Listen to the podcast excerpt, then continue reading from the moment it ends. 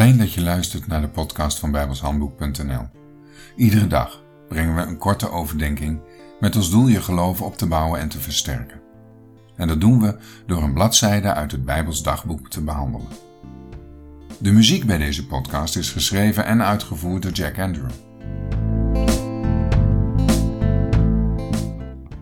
Het is vandaag 12 februari en ik wil weer beginnen met het lezen van Ezekiel 37 vers 9. En hij zeide tot mij, profeteer tot de geest, profeteer mensenkind, en zeg tot de geest, zo zegt de Heere Heere, gij geest komt aan van de vier winden en blaas in deze gedoden, opdat zij levend worden. Hier wordt dus duidelijk aangegeven dat het initiatief tot overgave niet van Israël, maar van God uitgaat. Hij zal zijn geest sturen. Voordat deze profetie vervuld wordt, moet eerst het volk tot bekering komen.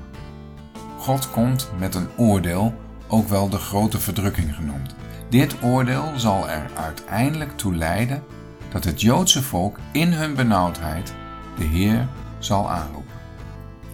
Het zal mijn naam aanroepen. Ik zal het verhoren.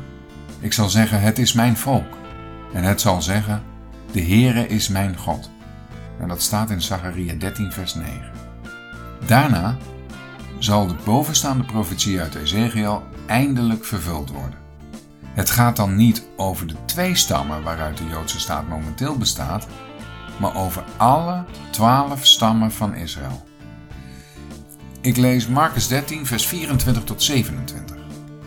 Maar in die dagen, na die verdrukking, zal de zon verduisterd worden, en de maan zal haar schijnsel niet geven, en de sterren des hemels zullen daaruit vallen, en de krachten die in de hemelen zijn, zullen bewogen worden.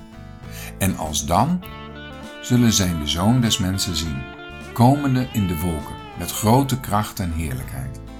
En als dan zal hij zijn engelen uitzenden en zal zijn uitverkorenen bijeen vergaderen uit de vier winden, van het uiterste der aarde tot het uiterste des hemels. Zo zal de wedergeboorte van de staat Israël plaatsvinden. De geest zal komen in de verstrooide Israëlieten over de gehele aarde en van daaruit zullen ze verzameld worden om een levend lichaam te worden in het beloofde land.